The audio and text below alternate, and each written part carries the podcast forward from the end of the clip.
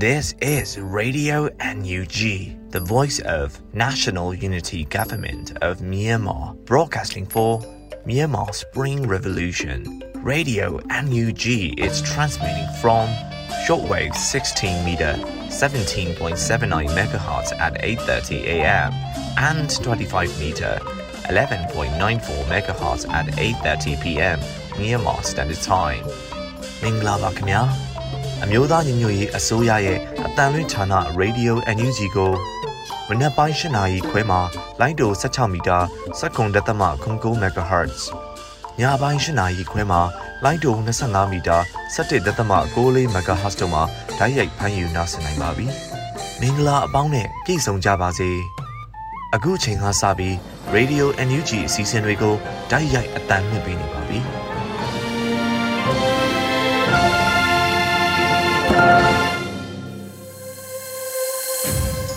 မြန်မာနိုင်ငံသူနိုင်ငံသားအပေါင်းတဘာဝပြီးကြေဟာနာရှင်ပြည်တို့ကနေကင်းဝေးပြီးကိုစိတ်နှစ်ပါးဘေးကင်းလုံခြုံကြပါစေလို့ရေဒီယိုအန်ယူဂျီပေါ်သားများကဆုတောင်းမြတ်တာပို့သလိုက်ရပါတယ်ရှင်။အခုချိန်ကစပြီးပြည်တွင်းသတင်းများကိုရေဦးမိုင်မှဖတ်ကြားတင်ပြပေးပါရမရှင်။မင်္ဂလာပါရှင်။အခုချိန်ကစပြီးရေဒီယိုအန်ယူဂျီရဲ့ဒီဇင်ဘာလ12ရက်နေ့နောက်ဆုံးရသတင်းတွေကိုတင်ပြပေးပါမယ်။ကျွန်မຫນွေဦးမိုင်ပါ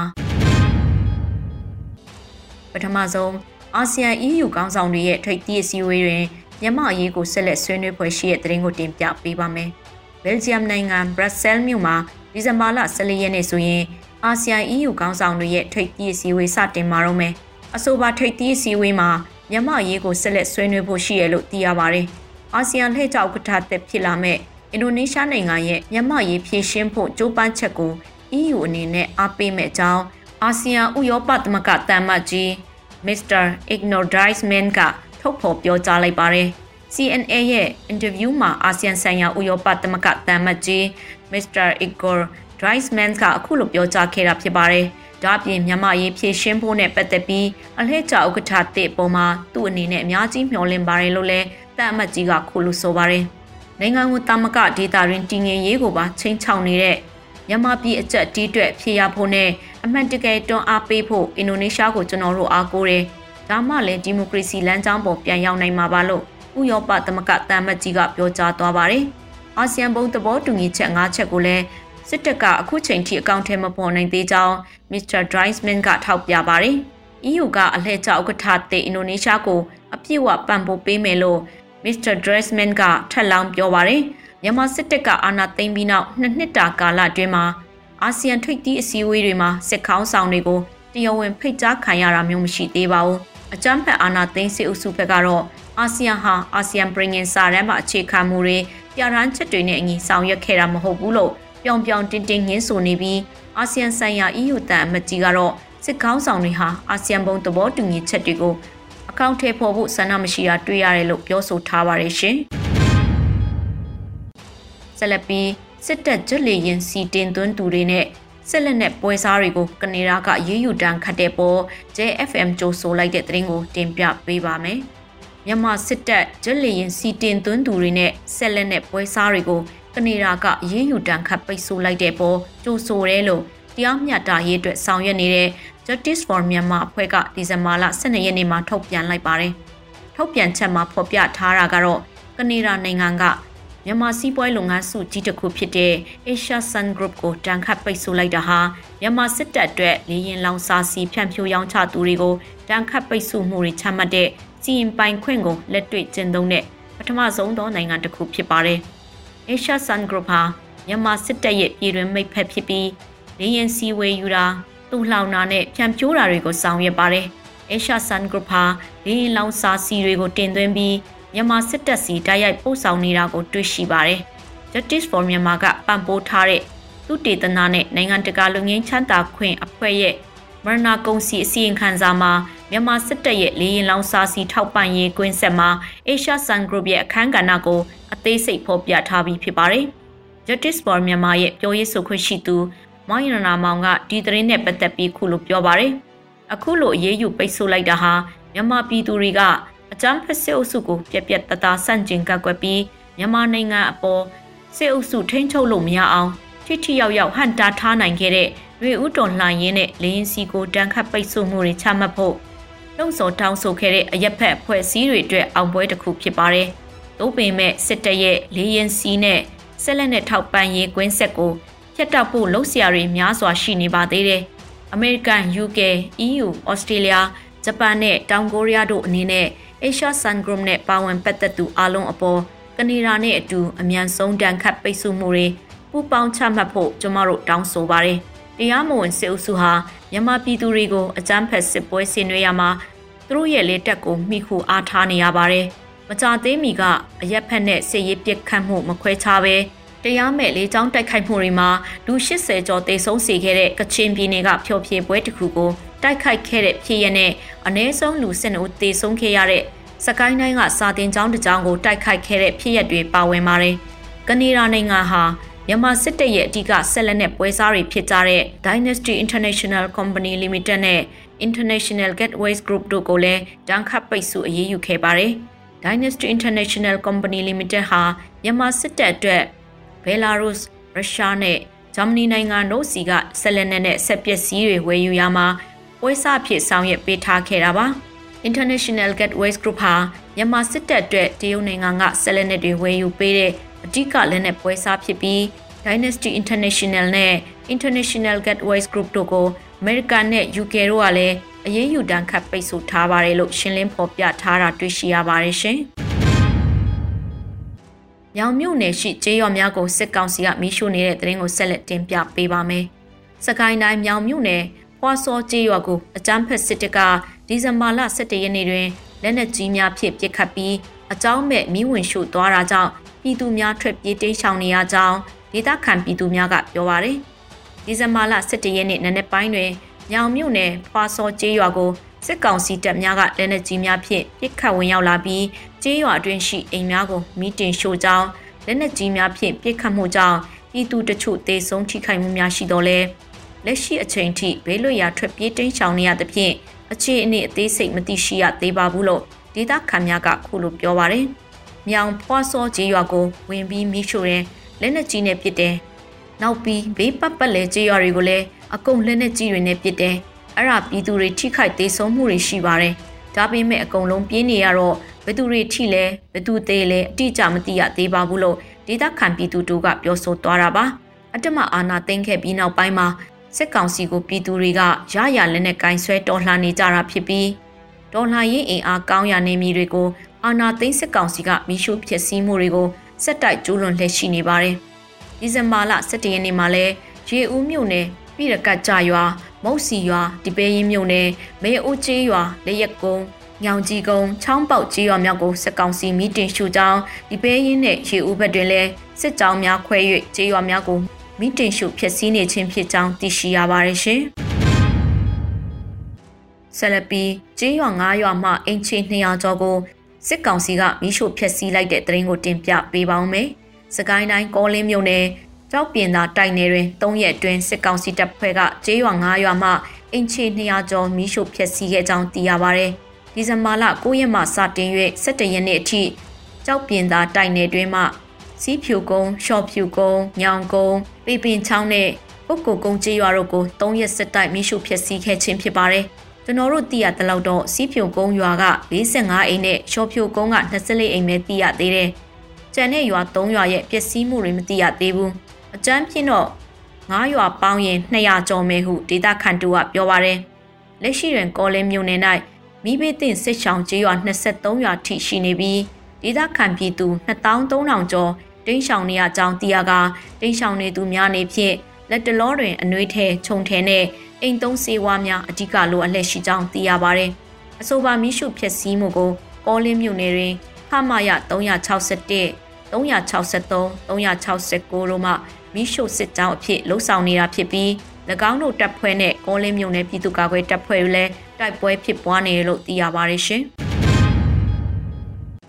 နတ်ဆန်တွင် TNLA နဲ့စစ်ကောင်စီတပ်တိုက်ပွဲပြင်းထန်နေတဲ့တဲ့ရင်ကိုတင်ပြပေးပါမယ်။အကြမ်းဖက်အာဏာသိမ်းစစ်တပ်နဲ့တအောင်းအမျိုးသားလွတ်မြောက်ရေးတပ်မတော် TNLA တို့ကြားအခုလဒီဇင်ဘာ9ရက်နေ့ကစလို့တိုက်ပွဲတွေပြန်လည်ပြင်းထန်ခဲ့ပြီးအာဏာသိမ်းစစ်တပ်ဟာ၎င်းတို့ရဲ့အဓိကအင်အားသုံးတဲ့လေကြောင်းတိုက်ခိုက်မှုတွေပြုလုပ်လာနေပါတယ်။ဒီဇင်ဘာလစံပိုင်းကစပြီးစစ်ကောင်စီဟာတိုက်ပွဲမှာထိနာခဲ့တာကြောင့်အရက်သားပြည်သူတွေကိုပြစ်မှတ်ထားပြီး အခုလိုလေကြောင်းကနေပြစ်ခတ်တိုက်ခိုက်နေတာပဲဖြစ်ပါတယ်။မင်းညကထိလေရင်နဲ့လာပြစ်နေတယ်။ရွာရီထဲကိုကြာတာဟုံကြီးချောင်စွမ်းစားဆောင်တွေရောအိမ်တွေရောမီးလောက်ကုန်ပြီးတော့ဘုံသာကျေးရွာကဒေတာခန်တူကပြောပါတယ်။ချမ်းပြည်နယ်မြောက်ပိုင်းနန့်ဆန်မြို့နယ်ဘုံသာကျေးရွာနားတဝိုက်ကိုစစ်ကောင်စီတပ်ကမနေ့ကညပိုင်းမှာလေကြောင်းကနေဘုံကျဲတိုက်ခိုက်မှု9ကြိမ်ပြုလုပ်ခဲ့တယ်လို့တအောင်းတက်မတော် TNLA ကဒီဇင်ဘာလ12ရက်နေ့မှာသတင်းထုတ်ပြန်လိုက်ပါတယ်။ TNLA နဲ့စစ်ကောင်စီတပ်တို့ပြန်လည်တိုက်ပွဲဖြစ်ခဲ့ပြီးတိုက်ပွဲ6ရက်မြောက်နေ့မှာစစ်ကောင်စီတပ်ကပေါင်900ဘုံနဲ့ဘုံကျဲတိုက်ခိုက်လာတာဖြစ်ပါတယ်။မနေ့ည8နာရီကတရဦးဖက်ကနေပေါင်900ဘုံနဲ့တိုက်ပွဲဖြစ်ပွားရာနေရာကို2ကြိမ်ရေပုံးကျေးရွာနာကို3ကြိမ်စုစုပေါင်း9ကြိမ်လာရောက်ကျဲချခဲ့တာဖြစ်ပြီးလူထိခိုက်မှုမရှိဘူးလို့ TNLA ကအသိပေးထုတ်ပြန်ထားပါတယ်။စစ်ကောင်စီတပ်တွေဟာပြီးခဲ့တဲ့တိုက်ပွဲရက်တွေမှာလည်း အကြိမ်30ခန့်လင်းနဲ့ဘုံကျဲတိုက်ခိုက်မှုတွေလုပ်ခဲ့တယ်လို့လည်း TNLA သတင်းရင်းမြစ်တွေကဆိုပါတယ်။စစ်ကောင်စီတပ်ရဲ့ထိုးစစ်ဆင်တိုက်ခိုက်မှုကြောင့်တိုက်ပွဲဖြစ်ပွားတဲ့နေရာနာကဘုံတာပူမန်းမန်လုံးတာလက်စတဲ့ကျေးရွာတွေကဒေသခံပြည်သူ1500ခန့်ဟာစစ်ပေးရှောင်နေကြရတယ်လို့လည်းသိရပါတယ်ရှင်။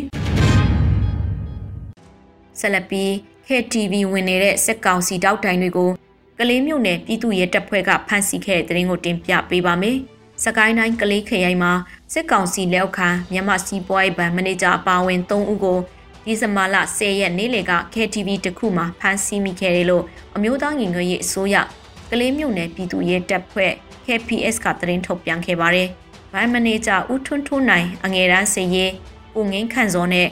စစ်သားတက်ကြက်ဇော်မင်းဦးတို့ဟာကလေးမြို့တောင်စလက်ရက်ကွက် BMB KTV မဆက်ကိုရောက်ရှိနေကြောင်းတင်ရတဲ့အတွက် ဖမ်းဆီးခဲ့တာဖြစ်တယ်လို့အမျိုးသားညီညွတ်ရေးအစိုးရ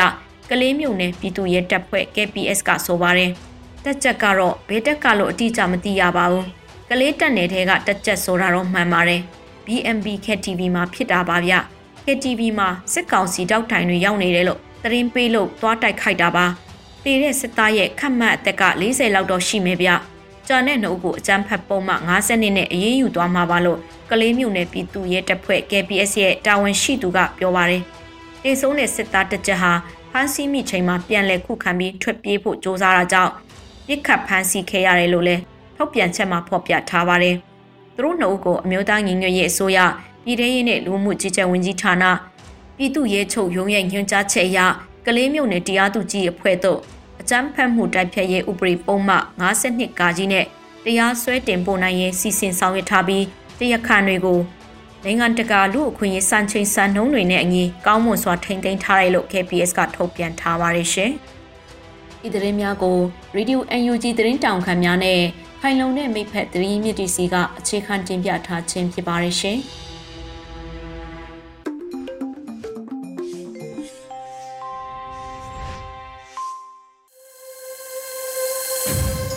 ရေဒီယိုညူချီမှာဆက်လက်တင်ပြနေပါတယ်။ဒီနေ့ရဲ့တော်လိုင်းကဗျာအစီအစဉ်မှာတော့လူခါခါရေးသားပြီးနှွေဦးလွင်ရွတ်ဖတ်ထားတဲ့ဒီနှွေဦးရေးဟာငါတို့ရေးပဲကိုလူလို့အမည်ရတဲ့တော်လိုင်းကဗျာကိုနားဆင်ကြရတော့မှာဖြစ်ပါတယ်ရှင်။ဒီနှွေဦးရေးဟာငါတို့ရေးပဲကိုလူနှွေဦးရေးဟာငါတို့ရေးပဲကိုလူသွေးအေးပြီးအေးဆေးမနေနဲ့ငါတို့တောင်းရမယ့်သွေးကြွေးမှာဆွေးနွေးနေစရာဘာအကြောင်းမှမရှိဘူး။ ငါတို့ကစားခဲ့တာမဟုတ်ဘူးငါတို့ကိုသူတို့ကစားခဲ့တာကြီးစံတွေနဲ့အနေအစားချောင်တယ်လို့ခမားထင်မှားနေရင်တော့စမိတ်ဇာတို့ရဲ့ခြေဘဝမှာခမားတို့ဖျားထူးနေရအောင်ပါပဲငွေဥကိုငါတို့စားခဲ့တာမဟုတ်ဘူးကိုလူသူတို့စားခဲ့တာလမ်းမပေါ်တွေမှာသွေးတွေမချောင်သေးဘူး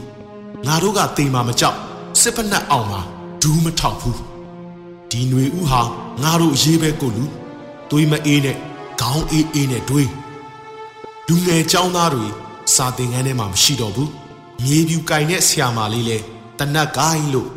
အကင်ရမယ်ဆရာဝန်မလေးလဲတနတ်ကိုင်းလို့လဲသူမတွေလဲကောင်းမဆိုင်နိုင်ရှာတယ်လို့စစ်ရှောင်းလမ်းမှာကြကြံနေတဲ့သူတို့မျက်ရည်တွေကအသက်ဟောကြည့်ကြောင်းနေရမယ့်ကလေးငယ်တွေဘုံခိုခြင်းထဲမှာဒီຫນွေဥကိုငါတို့စခဲ့တာမဟုတ်ဘူးသူတို့စခဲ့တာ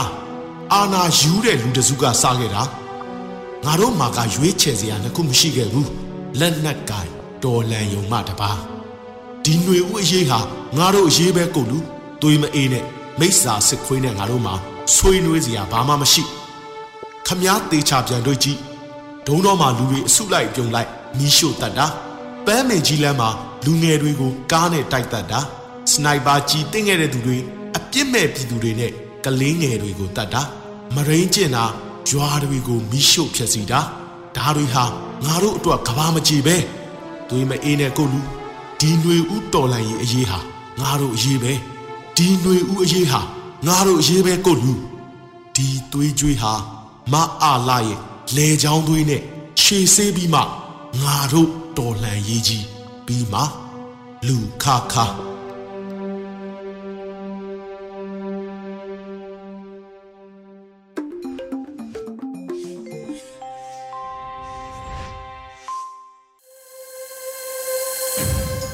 ရေဒီယိုအန်ယူဂျီမှာဆက်လက်အသံလွှင့်ပေးနေပါတယ်။အခုဆက်လက်ပြီးရသက်တစ်ပတ်မိုးလေဝသခန့်မှန်းချက်တွေကိုတော့အေရီမှဖတ်ကြားတင်ပြပေးပါမယ်ရှင်။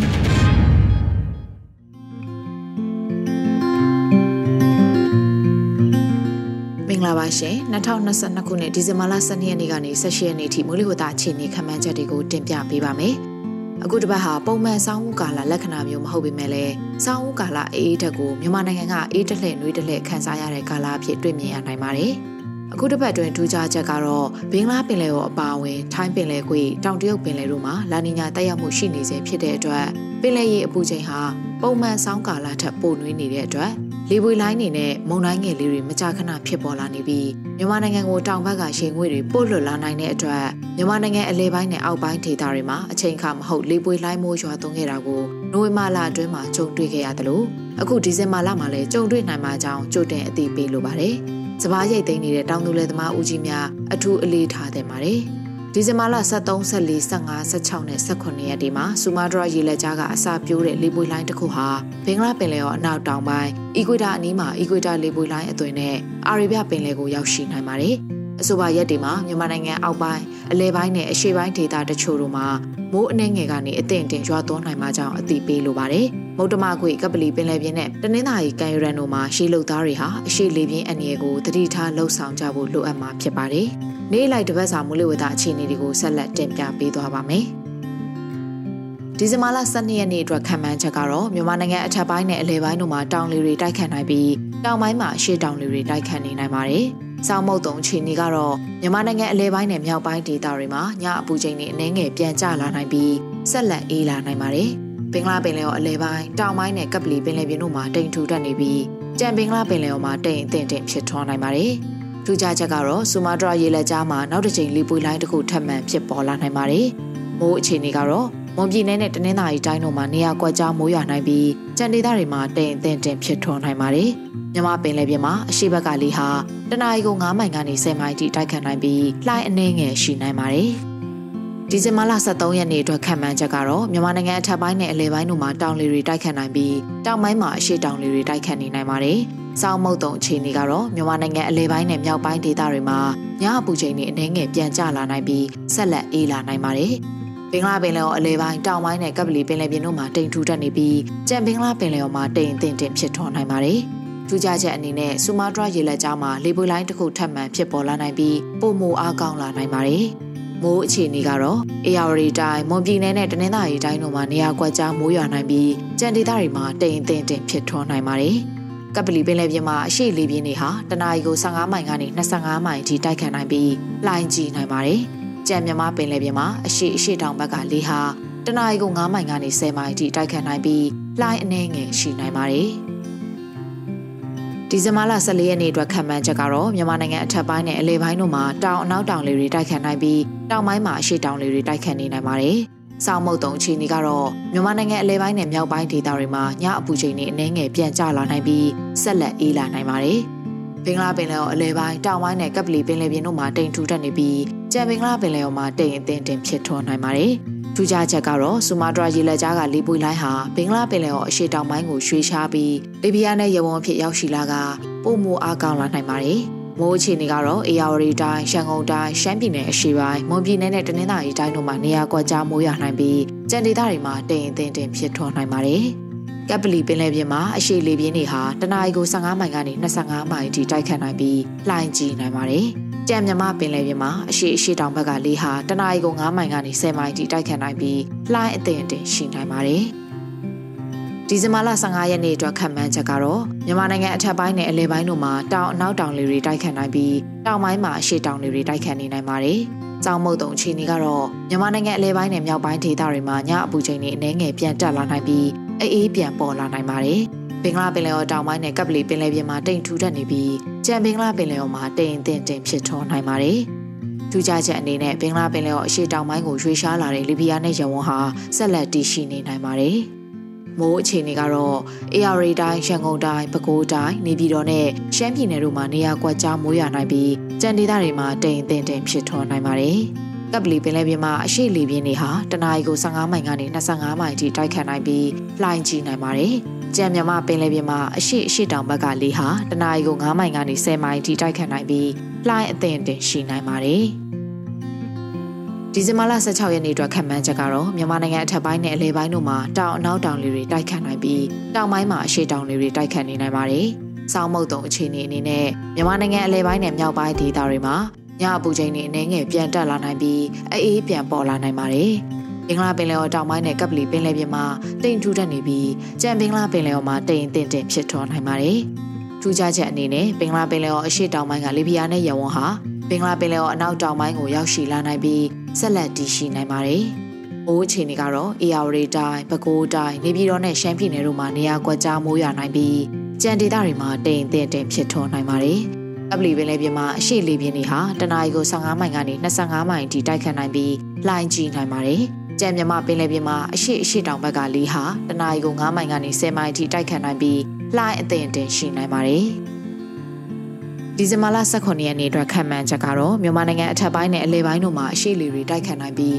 တောင်ပိုင်းမှာအရှိတောင်လေတွေတိုက်ခတ်နေနိုင်ပါတယ်။စောင်းမုတ်တုံခြေနေကတော့မြန်မာနိုင်ငံအလယ်ပိုင်းနဲ့မြောက်ပိုင်းဒေသတွေမှာညအပူချိန်တွေအနည်းငယ်ပြန်အေးလာနိုင်ပါတယ်။ဘင်္ဂလားပင်လယ်ော်တောင်ပိုင်းနဲ့ကပလီပင်လယ်ပြင်တို့မှာတိမ်ထူထပ်နေပြီးကြံဘင်္ဂလားပင်လယ်ော်မှာတိမ်အထင်တင်ဖြစ်ထွန်းနိုင်ပါတယ်။ ထူးခြားချက်အနေနဲ့ဘင်္ဂလားပင်လယ်ော်အနောက်တောင်ပိုင်းမှာဖြစ်ပေါ်နေတဲ့လီဘီယာနဲ့ယဝန်းဟာအီကွေတာအနီးမှာတိတိတသာအားမကောင်းနိုင်ပဲအီကွေတာလေပွေလိုင်းဖြစ်ဆက်လက်တည်ရှိနိုင်ပါတယ်။မိုးအခြေအနေကတော့ပဲခူးတိုင်းနေပြည်တော်နဲ့ရှမ်းပြည်နယ်တို့မှာနေရာကွက်ကြားမိုးရွာနိုင်ပြီးကြံဒေသတွေမှာတိမ်အထင်တင်ဖြစ်ထွန်းနိုင်ပါတယ်။ကပလီပင်လယ်ပြင်မှာအရှိလေပြင်းတွေဟာတနအီကို15မိုင်ကနေ25မိုင်အထိတိုက်ခတ်နိုင်ပြီးအိုင်ကြီးနိုင်ပါတယ်။ကြံမြမပင်လယ်ပြင်မှာ အရှိအရှိတောင်ဘက်ကလေဟာတနအီကို9မိုင်ကနေ10မိုင်အထိတိုက်ခတ်နိုင်ပြီးလှိုင်းအသိမ့်တင်ရှိနိုင်ပါတယ်။ဒီဇင်ဘာလ18ရက်နေ့အတွက်ခံမှန်းချက်ကတော့မြန်မာနိုင်ငံအထက်ပိုင်းနဲ့အလယ်ပိုင်းတို့မှာအရှိလေတွေတိုက်ခတ်နိုင်ပြီးတောင်ပိုင်းမှာအရှိတောင်တွေတိုက်ခတ်နေနိုင်ပါတယ်။စောင်းမုတ်တုံအခြေအနေကတော့မြန်မာနိုင်ငံအလဲပိုင်းနဲ့မြောက်ပိုင်းဒေသတွေမှာညအပူချိန်တွေအနည်းငယ်ပြန်အေးလာနိုင်ပါတယ်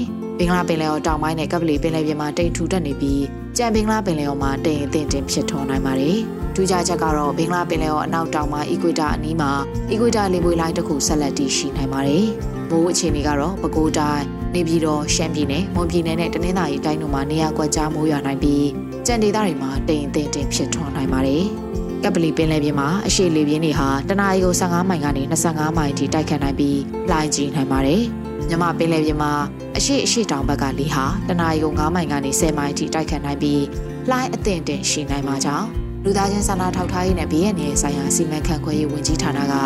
ရသက်တစ်ပတ်မူလေးဝတာခန့်မှန်းချက်တွေကိုထုတ်ပြန်ထားပါတယ်ရှင်။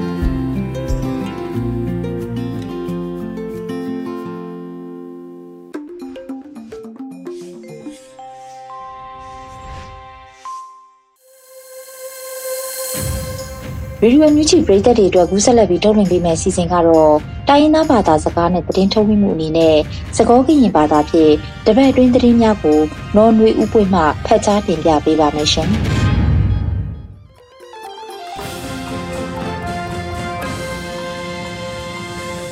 ဟာလိုအေကိုရတဲ့ပစောရီဆဝဘာတူတော့ကွဲမှုပါတူလို့အန်ယူချီကွဲလေးလို့အထရက်တာကလေးတပလို့ညာအင်းနီလို့အခဲဤ တော်တနည်းညာတော်ပူတာကစောတဖာနေရကပါဖလားနေသူနေလောရရမီမေနော်နွေဥပွင့်နေလော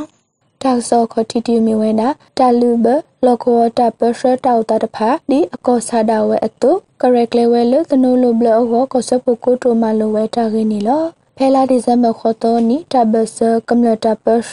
တခုတမဖတ်တော်ကမြတီမိုဖွာတာဖိုပူနီတလူဘလောကောတပစတောက်တတဖာ ဒီအကောစာဒါဝဲတော့ကရက်ကလေဝဲလို့တနူလူဘလောကကောစဘကိုတိုမဲခန်တိုင်းမလိုဝဲတာနေလောဒါလဘဟကုလကောဒါပစတောက်တဖာဤဒီအကောစာဒါဝဲအတော့ကရက်လေဖိမဝဲတာအောအခေါ်တိတပတော်အရိဒူဝဲအေတာလော်လတာလူဘခေါတဖာကမှုကခုဝဲအောမေဝဲကိပတော်တပတော်ကေလောကဝမေမှုခုဝကလမတာပစတဖာကလေတရီတာဘလောဘာစာကေကိုတိုနီတဲဝဲတာနီလောစကတော်ခဲဤကာတပလ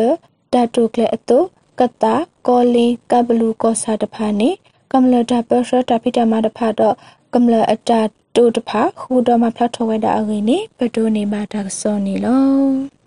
ဒါစောခီယူတီမြဝဲတာနွေဦးတာပစောဝဒေါ်တနီတာတိုကလဲမူပွားနေတမိထဲအန်ယူဂျီပဒိုတေဝဲပါဘကဘုတာဖောဆုကဝဲတာဂရဂရုတဖာစီကောပါခုဝဲအေကောစပုကုတိုဒေါက်တာဇောဝေဆုတဲဝဲတာရင်းနေလောနွေဦးတာပစောဝ ဒေါ်ဒနီတတူကလဲမူပွားနေတမီထဲအန်ယူဂျီပဒိုတေဝဲပါပောက်ကောဖိုးတဖို့စုကဝဲတာဂရဂုတဖာစီကောပါခူဝဲအရီနေဖဲလာဒီဇမ်ဘာအော်တိုဘူးတတိလိုတိကွာတခါပူနေကောဆပ်ကိုကိုတိုဒေါက်တာဆောဝီစုတဲဝဲတာဒီနေလချက်ကတော့တောက်တာတဖာတသမီတမိုအော်ဝီတနီတော့ဘူးတတူကလဲတဖာတတီအော်ဝီလီတော့ပလဲဝဲဒီ face 1 2 3စေကောနေလတော့ဆုမညာတပတော့ပကထောတဆောပါတဆောတော့ တာပရတုကလေဝကလုစီတီဝကောကတီကောဝီတခဲလပကတဲ့ကတော့အောဝီလီနီလောဒေါ်တတိတဖာဤတမီထဲပတဘာတာဘာပခုတော့ပကဖို့တာဖို့စုကဝဲတဖာအတာဘာတာဟုတခဲလကမီဝဲတာအရီဝပမူလာဝဲရီတဲဝဲတော့ပတိုနေပါတဆောနီလောတာကဆောစုမညာတိမီဝဲတာအန်ယူဂျီပဒိုဤမေဝဲကော်ပီယတိကောပဒိုတီနော်အေယူရိုပပါလီမန်ဘူပါဝဲတာရင်းနီလော အန်ယူချီပဒိုဘာကညောခွဲရဘာထွဲကိုတိုဝဲကလိုကောစပုကိုတိုဦးအောင်မျိုးမင်းနေတီမေခစာတီနော်အေပါတာပပနောအော်လေယူရိုပပါလီမန်နီလောကော်ပီယတိကောဒိုကလူတမြူတာကူပဒိုကောစပုကိုတိုဦးအောင်မျိုးမင်းနေယူရိုပပါလီမန်တူလူမောနီလောမေဝဲကော်ပီယတိကောကမလခစာတီနော်တကာအေယူရိုပပါလီမန်နေဖဲအဝဲအလီမက်တာပါဖလာဝဒစစ်ကောနီလောကောစပုကိုတိုဦးအောင်မျိုးမင်းနေထီလိုတာတော့ ယူရိုပါပါလီမန်ပပလစင်နခိယတကဝီအန်ယူချီပဒိုနီမီဝဲကော်ပီယတိကောပဒိုတီနိုအဂီယူရိုပါပါလီမန်နေပဖလာထော်ဝဲတာနီလောဖဲလာဒီဇင်ဘာခေါ်တော့တော့ခွီတော်နီတမဝဲတာပါလီမန်တာဖိုပူဘာခာပယောတူဟိနေဆူတဆူတကမောလခိတောက်တာတဖာအိုဖို့တကူဝဲတော့ထီဦးကောကတဂရဂရုတဖာခင်းနေပတိုနေပါတကစောနေလောတကစောလခိတတီမီဝဲတာ ဝေခေါတိပကညောခွေရတဖာကတုနိကေဝဲအောဝူကလဆဝဲအပူဆတ်တော်တခဲဝဲဒီတတိုကေဩစတြေးလျမော်တော်ရူထထပူပါဝဲတာရင်းနီလောဝေခေါတိပကညောခွေရတဖာဒီတိုကတုနိကေဝဲအောဝူကလဆဝဲအပူဆတ်တော်တခဲဝဲဒီတတိုကေနီဖဲလာဒီဇမ်ဘာတော်တစီနီဩစတြေးလျမော်တော်ရူထထဝဲတာနီလောဒေါ်ဩစတြေးလျတိကောတိုကော်ပီယတိကောနီဝေခေါတိပကညောခွေရတဖာကတုနိကေဝဲအောဝူကလဆဝဲအပူ စတ်တော်တခဲဝဲဒီတတိုတကာဒီပါလောကလတ်ဘိုစီကောပါဖိုမတကိုတာခင်းနေပတိုနီမာတကစောနေလောဒေါ်တလာဤဒီမီလာဒီဇမ်ဘာတော့မော်တကပွဲတော့တတုခုတခုတတုမီတမှုကိုမေတာဆရီတူနီလောကမ္လလအဒုကနာဘာကွဲလေးလိုတကစောဤကိုရတဲ့မော်တူဘာမီထောဘိုနီတကေ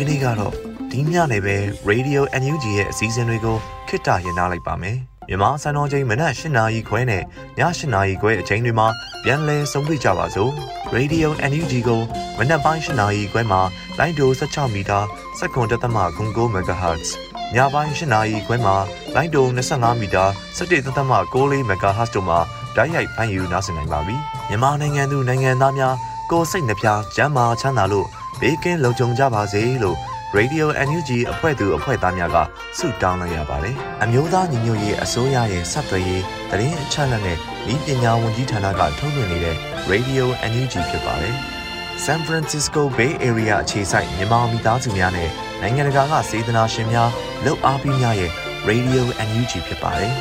။အရေးတော်ပုံအောင်ရမည်